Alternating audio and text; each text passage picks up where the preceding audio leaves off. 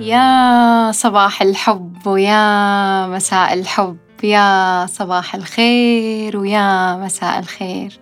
من وين ما كنت تسمعني يسعد لي أوقاتك كلها بالخير والحب والرضا وراحة البال دائما يا رب. قبل فترة كلمتني واحدة من صحباتي وطلبت استشارتي في موضوع يخصها وأعطيتها نصيحة وبيني وبين نفسي شفت برودها ما شفت تفاعلها الكبير يعني وقت ما كنت أحكي لها النصيحة وكنت أعطيها رأيي. وحكمت بطريقة أو بأخرى إنها ما راح تطبق اللي حكيته. فاجأتني بعد فترة إنها حكت لي إنها سوت اللي أنا حكيته لها وجاب نتيجة. للحظة بيني وبين نفسي قلت نورة وقعتي بالفخ. حكمتي عليها. بدون أدنى أو بدون أي دليل على أنها هي راح تفعل أو ما راح تفعل الشيء اللي أنا حكيته لها. في الغالب عندنا أحكام مسبقة عن الآخرين عن تصرفاتهم عن أفعالهم عن اختياراتهم. عن كيف يتفاعلون أو كيف يتصرفون بناء على الظاهر اللي يظهرونه لنا. لكن لو سألنا أنفسنا بكل صدق إحنا مين عشان نحكم على أي أحد بالحياة؟ أي شخص أي إنسان اليوم أمامك هو حر يتصرف أو يفعل أو يمشي أو يختار الطريق اللي يناسبه بناء على قناعاته ومعتقداته. إحنا ما نقدر نحدد أي إنسان هو إنسان جيد أو إنسان غير جيد بناء على ما نراه من تصرفاته. كثير اليوم في الغالب نقع في هذا الفخ. وأنا أولكم. أنا لسنوات وأنا أشتغل على نفسي وأهذبها إني ما أعطي حكم مسبق على أي إنسان في الحياة. غالبا بيني وبين نفسي أحكي نورة أعطي مساحة. نورة هذا الإنسان حر. مو أنتي اللي تعتقدين بناء على تصرفات أو أفعال تفسرين وتحكمين لأن الحكم أكبر حاجة ممكن تأذي الإنسان سواء على المستوى الشخصي أو على مستوى العلاقات. وأنا ذكرت هذا الشيء بإسهاب في في حلقة بودكاست سوان لا قناع لدي إن الحكم ما هو لي ولا لك الحكم لرب العالمين. غالبا في الغرب يحكون لا تحكم على الكتاب من عنوانه. لكن عندنا في العرب يحكون على العكس. الكتاب مبين من عنوانه. وهذا الأمر غير حقيقي غير صحيح. لأن أنا لما أحكم على إنسان أو أتصور تصور عن إنسان أنا أحطه في سجن أحطه في قالب أصنفه لكن هو حر. قد يعمل وقد لا يعمل قد يتصرف وقد لا يتصرف قد يتخذ ردة فعل وقد لا يتخذ ردة فعل وهو حر بالأخير.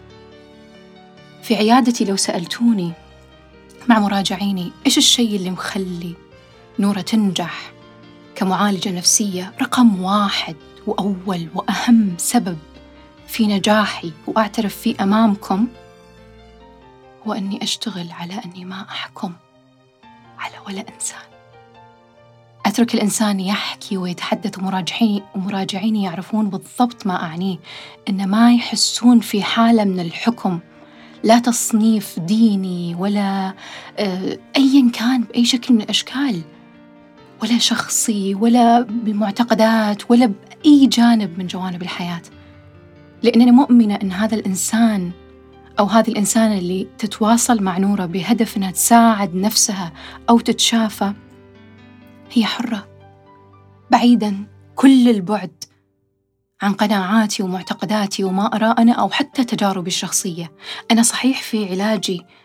أجرب بعض الأمور وبعدين آخذها في العلاج لكن بالمقابل مستحيل أني أحكم على شخص بأي شكل من الأشكال بناء على أخطاءه أو تخبيصاته في الحياة. لأن خليني أحكي لك بشكل يعني مبسط أو كمثال. لو في يوم من الأيام إنسان سين من الناس صحى من نومه وطلع لدوامه وهو مدير في الدوام وواحد من موظفينه أخطأ ورفع صوته عليه وصار يغلط بالكلام معاه وصار يسيء له بطريقة أو بأخرى. ويقلل من احترامه وغيره. في فترة بريك مثلا الغداء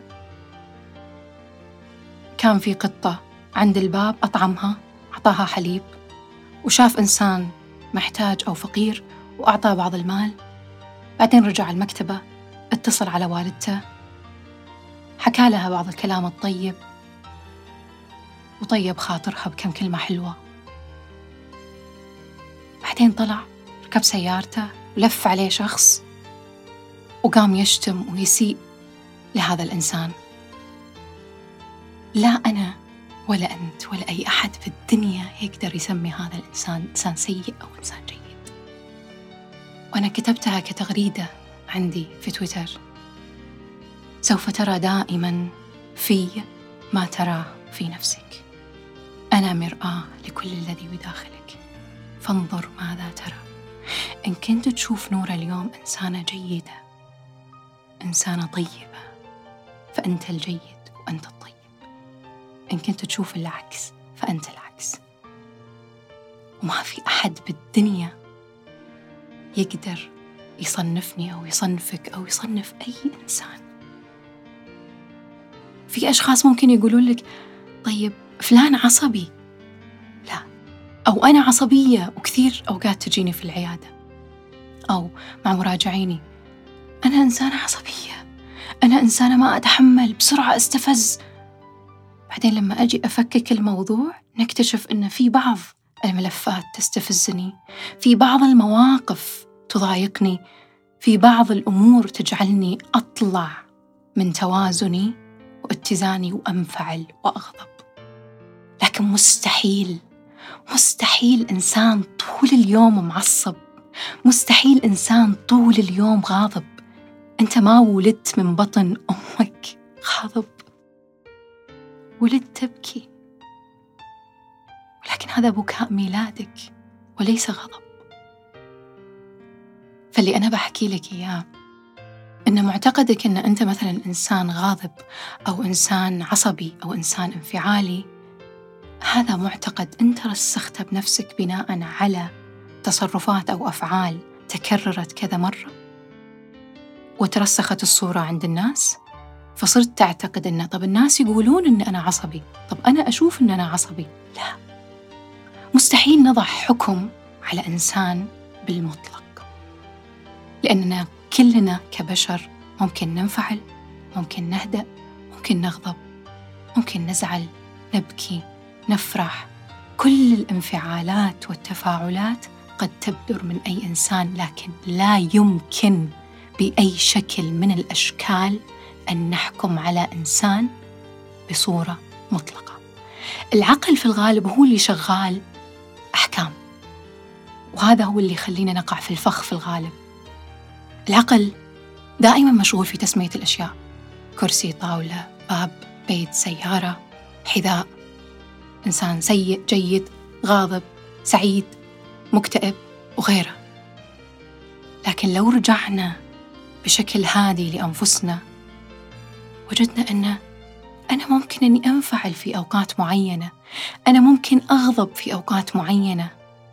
والدليل أني لما أسأل أحد مراجعيني إيش الأشياء اللي ممكن تغضبك؟ يبدأ يعددها أو تبدأ تعددها لي. تحكي لي مثلا لما أكون عند أهلي أكون غاضبة بس في الدوام أكون عادي هادية ورايقة. معناتها المثير في البيت أو مع العائلة. فخذ نفس. خذ نفس. إيش الأوقات اللي أنت حكمت فيها على نفسك؟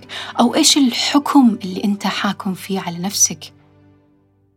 ولا تنشغل في أن تحكم على الآخرين بأي طريقة كانت. لا تحكم فيها على نفسك ولا تحكم فيها على أحد. لأن حتى الحكم الإيجابي قد يؤذينا في الأخير.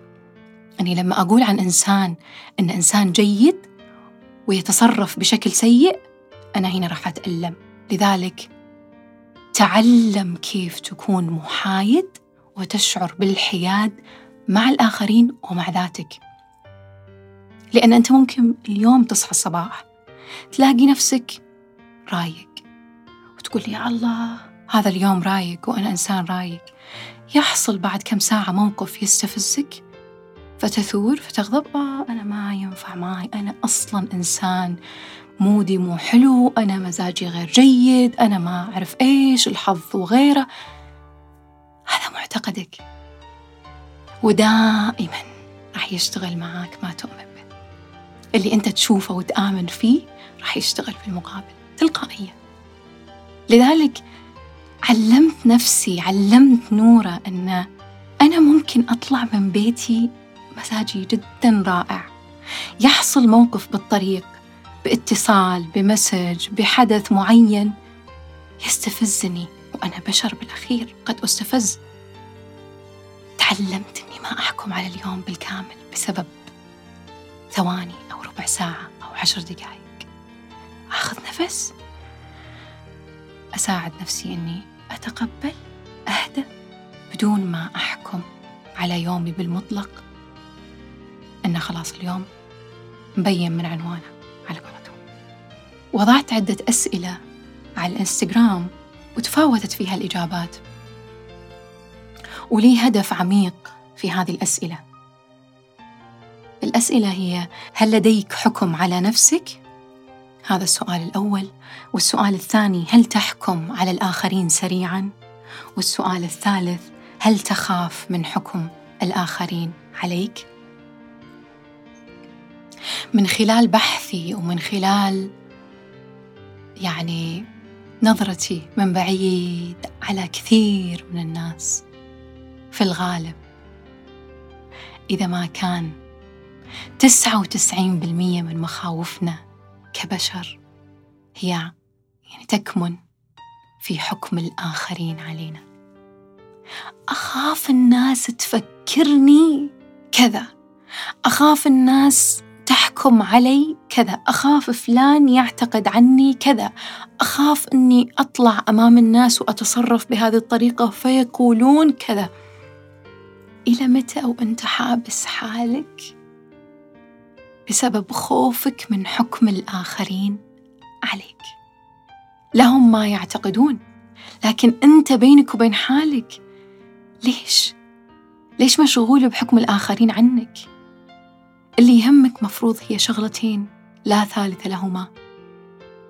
نظرتك أنت لنفسك مهم تكون جيدة ومحايدة وما فيها حكم. ورب العالمين كيف يراك؟ فقط. الآخرين في الغالب راح يعتقدون عنك ما يعتقدونه عن أنفسهم. في مثل مشهور كلا يرى الناس بعين طبعة. بالفعل بالفعل كل إناء بما فيه ينضح. الناس في الغالب راح تحكم عليك بناء على مخاوفها أو بناء على أخطائها. بمعنى أنا لما يحدث معي حدث مؤلم أو غير مريح. وأمر بتجربة غير مريحة. فبالغالب تلقائيا اللاواعي يبدأ ينبهني إنها ما تتكرر حتى ما يتكرر ذات الألم. فأبدأ أحكم على الآخرين بشكل لا واعي بناء على ألمي. أو بناء على ما أنا بيني وبين نفسي أتصرفه. أو أقوم به. ولكن ما أحب أن الناس تشوفني عليه. فضعها في بالك الناس يا تحكم عليك بناء على أخطائها؟ يعني هي تخطئ ذات الخطأ فتقوم بالحكم على الآخرين بناء على هذا الخطأ؟ تقول آه فلان كذا وهي في الغالب هي اللي كذا. أو بناء على خوف أن فلان كذا بناء على التجربة المؤلمة اللي مر فيها. خلوني أسألكم تأمل بينك وبين نفسك في هذه اللحظة إيش في الغالب حكمك على نفسك؟ إيش الكلمات اللي لك سنين وأنت تقولها لنفسك؟ مالي حظ؟ ما يفيد معاي؟ ما ينفع؟ أنا إنسان مو زين؟ أنا إنسان سيء؟ ما حد يحبني؟ أشعر بالسعادة. أنا إنسان عصبي. أنا إنسان غاضب. أي شيء يستفزني بسرعة. إيش أحكامك على نفسك؟ أبي أقول لك أو أبي أحكي لك بكل صدق أن هذه الأحكام غير حقيقية. أنت تبنيتها تبرمجت عليها وآمنت فيها واشتغلت. إحنا طول الوقت في جذب. إن خيرا فخير وإن شرا فشر. إذا أنت مؤمن بالشر راح يشتغل معك الشر طول الوقت. إذا أنت مؤمن بالخير راح يشتغل معك الخير في كل وقت. وأنا أعني هذا الشيء مهما حصل معك حتى من مواقف غير مريحة راح ترى حتى في العسر يسر. لذلك إيش أحكامك؟ حكمك على نفسك سجن يحجبك عن سلامك عن حبك. يشعرك بالعجز. يشعرك إنه ما في شيء أبدا في الحياة راح يتغير لأن هذا الحكم موجود. لذلك من هاللحظة تخلى عن أي حكم أنت تعتقده عن نفسك. تعامل بالحياد. تعلم كيف تتقبل انفعالاتك. وردات فعلك. تلقائيا راح تلاقي نفسك تتهذب. لأن اللي يدعون أو يعني يرفعون شعارات أنهم يحاولون يصلحون من أنفسهم وهم حاكمين على أنفسهم ما راح يتغيرون ولا راح يتحسنون أبدا. طول ما الحكم موجود طول ما الألم موجود. وأنا هنا أقولها لك بكل صراحة. وأحكي لك السر العميق واللي أبيك تركز فيه كويس. هو إن ما في حرية نفسية إذا في حكم على ذاتك وعلى الآخرين. مستحيل تعيش السلام الداخلي وأنت تحكم على ذاتك. تحكم على البشر. لأن ما في أحد راح يصنفك. أنت معجزة وأنت معجزة. وكلنا معجزة في هالحياة. كلنا نحمل التناقضات العجيبة والغريبة. كلنا في داخلنا البساطة والتعقيد والجمال والبهجة والحب وغيره كلنا بداخلنا كنوز. لو استشعرناها وآمنا فيها. لكن للأسف كثير منا يعتقد السلبي عن نفسه وآمن فيه وشغال عليه. وعلى هذا الأساس جالس يحرم نفسه من أنه يعيش بسلام وسكينة. لذلك اليوم إذا كنت تعيش خنقة وحاس في حبس لحريتك. في عدم إحساس بالحرية وبالخفة. فأنا متأكدة أن أنت تحكم على ذاتك بأحكام غير جيدة. وبالمقابل تحكم على الآخرين أحكام غير جيدة. دع الخلق للخالق. دع الناس لرب الناس. مو شأنك مو شغلك. أنا دائما أقولها لنفسي لما أصير ها؟ بدخل بالفخ أقول. مو شغلك نورة مو شأنك. مين أنت عشان تحكمين على فلان أو على فلانة؟ خليك في أمورك خليك في أخطائك اللي تشتغلين على تحسينها انشغلي في نفسك فقط. الآخرين لهم يعني ربهم. ولا شأن لي. ولا شأن لك ولا شأن لأي أحد بالدنيا في أي أحد. طيب ممكن تسألني إيش الشغلة اللي بتساعدني إني ما أحكم على الآخرين؟ أول طريق يساعدك إنك ما تحكم على الآخرين هي إنك تبطل تحكم على ذاتك. أنا هذا الجانب اشتغلت عليه كثير مع نفسي. جانب إني أبطل أحكم على الآخرين مهما بدر منهم. أني ما أضع الآخرين في قوالب ولا أضع نفسي أولا في أي قالب.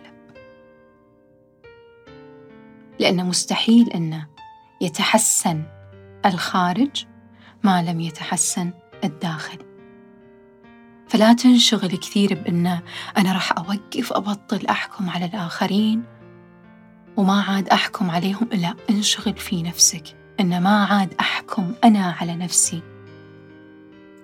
لأن إحنا خليني أحكي كمجتمع عربي تبرمجنا لسنين أننا عندنا أحكام جاهزة عن أي شخص بناء على شكله أو لبسه أو هيئته أو تخصصه أو حتى وظيفته أو عمله أو حتى الحي اللي يسكن فيه أو المدينة اللي يقطنها أو أيا كان.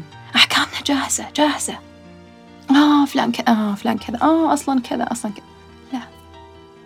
لأن قد يولد أو قد ينبت الزهر ما بين الصخور. وقد تجد في البستان مستنقع. فلا تحكم اطلاقا على أي إنسان لأن أنت ما تعرف إيش دواخله. ومستحيل أي إنسان يعرف بالضبط إيش دواخل أي إنسان مهما أبدى له. لكن مو شغلك إنك تحكم. مو شغلك إنك تصنف ولا شغلك إنك تقرر عن إنسان إنه آه هو تصرف كذا بناء على كذا لا. إي نعم أوقات في شغلي في تحليلات معينة في تنبؤات لكن علمت نفسي واشتغلت كثير على هالنقطة أني ما أحط توقعات أو أتنبأ وأتثبت وأعتبرها الحقيقة المطلقة لأن لا توجد حقيقة مطلقة. دائما في استثناءات. لذلك أنا أسميها تقديرات. توقعات معينة. لكن ما آخذ فيها بالحرف أو بالمعنى. وأؤكد وأشدد عليها لا. في مراجعين عندي. أول جلسة أو أول استشارة تكون متحمسة جدا وتعطيني انطباع أنها راح تنتقل وتتغير. لكن ينطفئ هذا الحماس. وفي العكس تجيني. ما لها مزاج ومنخفضة جدا في المود وما لها أبدا أي آه، دافعية أو رغبة. لكن في الجلسة الجاية أو اللي بعدها ألاقي تفاعل وحماس. لذلك علمت نفسي أني ما أعطي أي حكم. لأن الإنسان لا يمكن أن نصنفه ولا يمكن أن نضعه تحت أي قالب مهما ظهر لنا. النقطة الثانية اللي ممكن تساعدك كمان بعد ما أنت تتحرر من حكمك على ذاتك هي إنك تعقد نية ما بينك وبين نفسك بكل صدق.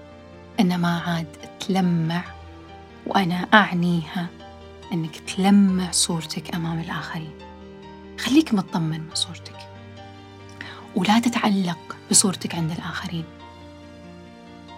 لأن الآخرين في الغالب بناء على الظاهر اللي يظهر منك راح يحكمون عليك.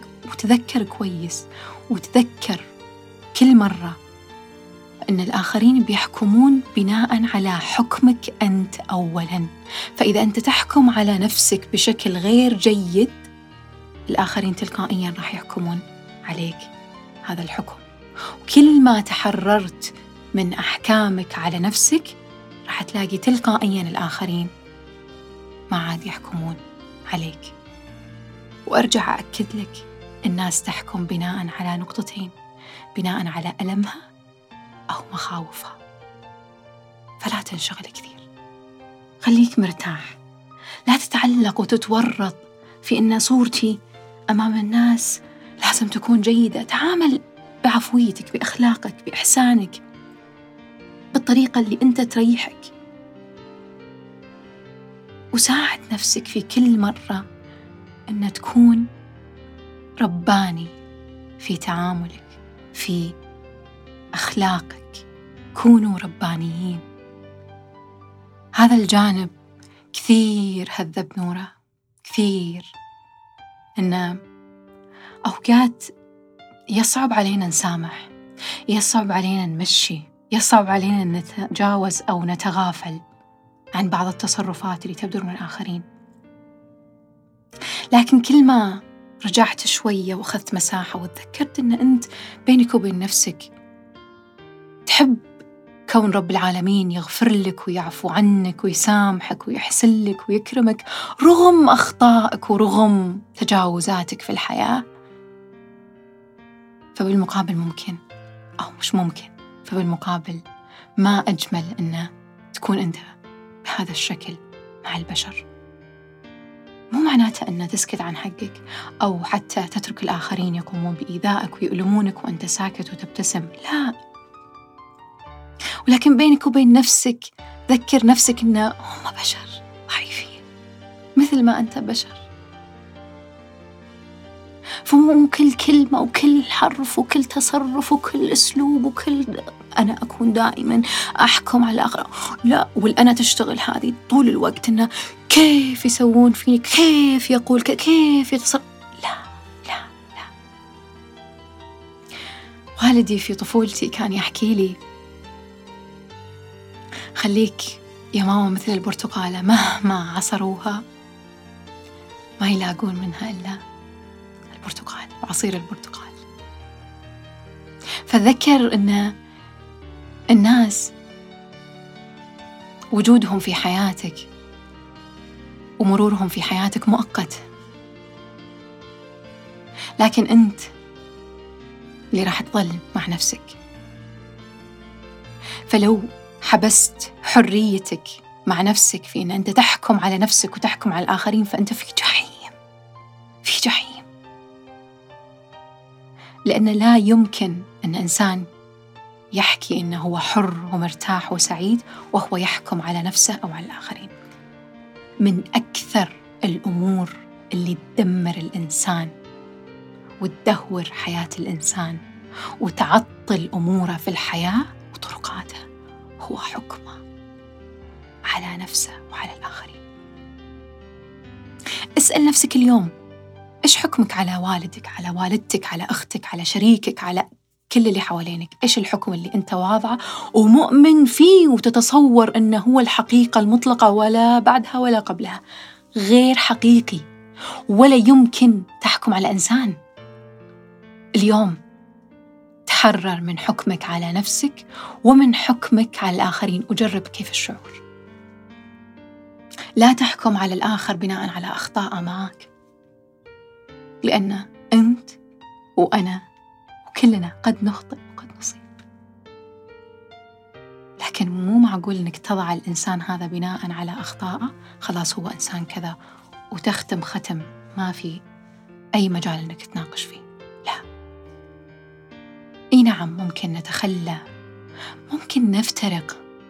ممكن نرحل عن أشخاص ما عادوا مناسبين لنا بحكم تصرفات بدرت منهم. ما نقبل ممكن إنها تتكرر أو تتك... أو تكررت كثير. فما عاد لنا رغبة في الاستمرار برفقتهم لكن لا يعني اطلاقا أن نحكم عليهم بأي شكل من الأشكال. تذكر دائما إن أنت حر؟ وكل الناس أحرار. حر تتصرف تفعل تعتقد تؤمن بما تريد لأن الحكم لرب العالمين فقط. عليك ولا حكم لأي بشر. عليك.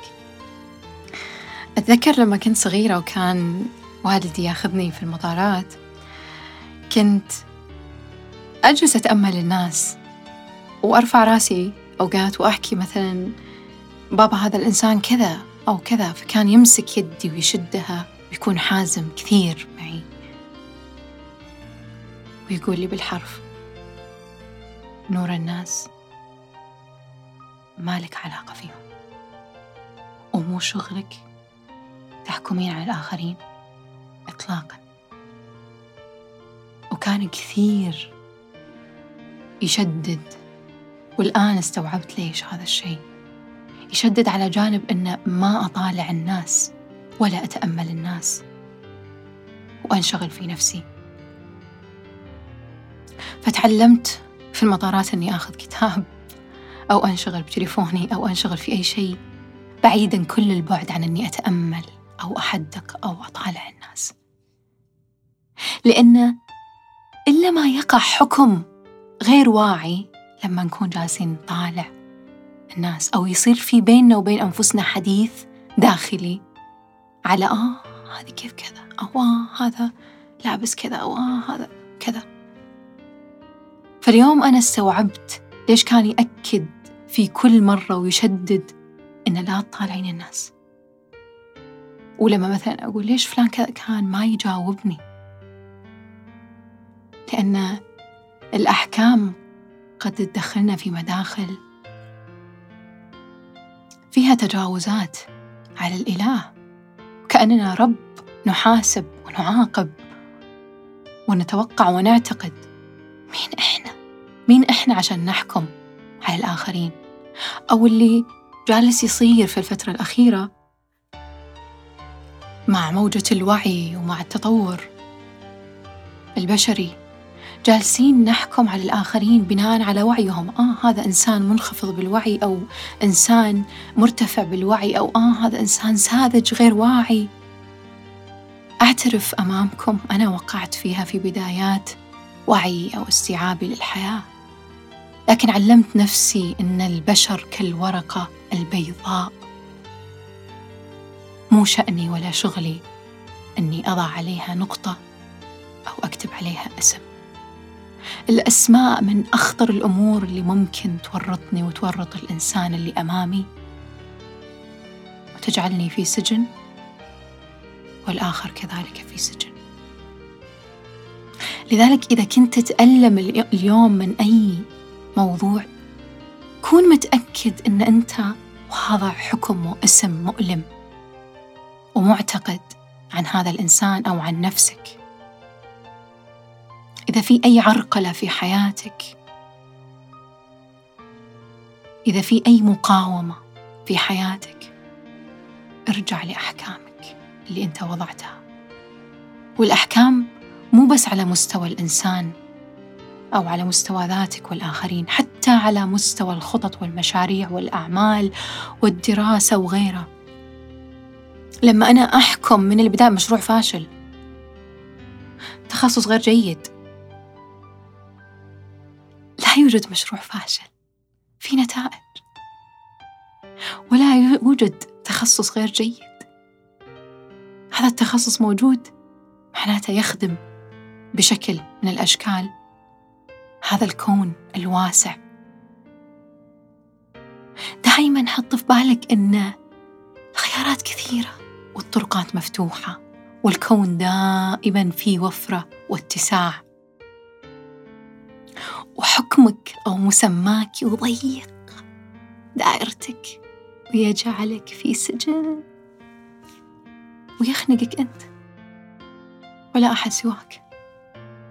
هذا الأسبوع تخفف من أحكامك على نفسك وراقب نفسك لما تحكم على الآخرين وتحرر من أحكامك وتخلى عنها وكذلك تخلى عن قلقك عن كيف الآخرين يشوفونك أو إيش حكم الآخرين عنك. تذكر تذكر تذكر. أن رب العالمين خلقك فأحسن خلقتك. وأن رب العالمين خلقك في أحسن تقويم وفي أحسن صورة. أنت وجميع خلقه. فلا أنا ولا أنت لنا حكم أو تصنيف لا على أنفسنا ولا على الآخرين. في الختام أستشهد باقتباس من كتاب البدائع والطرائف من مقالة القشور واللباب لجبران خليل جبران. يقول لا ليست الحياة بسطوحها بل بخفاياها ولا المرئيات بقشورها بل بلبابها ولا الناس بوجوههم بل بقلوبهم. لا ولا الدين بما تظهره المعاهد وتبنيه الطقوس والتقاليد. بل بما يختبئ في النفوس ويتجوهر بالنيات.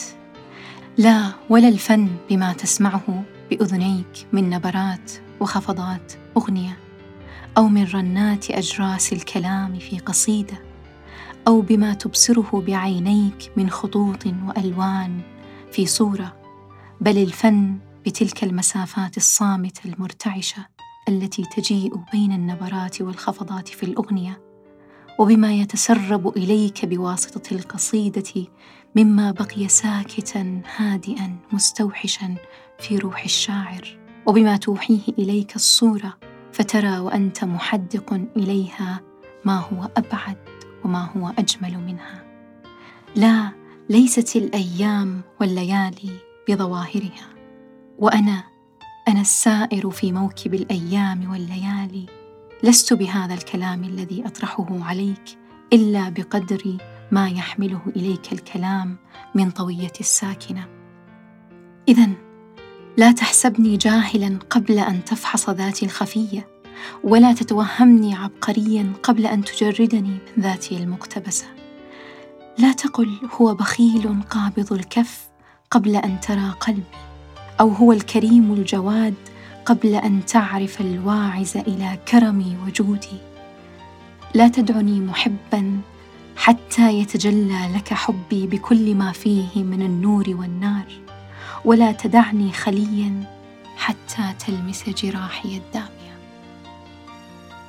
وأختم بكل حب بكلامي الحب منك وفيك وينتهي إليك. اختر الحب دائما فهو محركك الأول. وهو سر كل حركة لديك.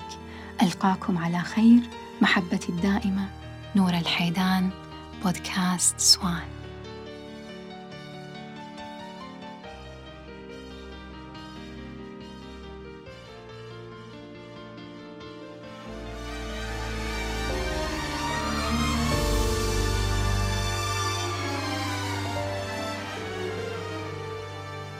ما تحكم مع حدا ما بتعرف حكاياته. شعرفك هالحدا؟ كيف كانت حياته؟ ما تحكم مع حدا ما بتعرف حكاياته. شعرفك هالحدا كيف كانت حياته؟ نحنا نتيجة ماضينا بشخصيتنا بكل شي فينا. واللي بيتعذب بصير بطباعه غريب كتير. يمكن يضحك ع أشياء ما بتضحكنا ع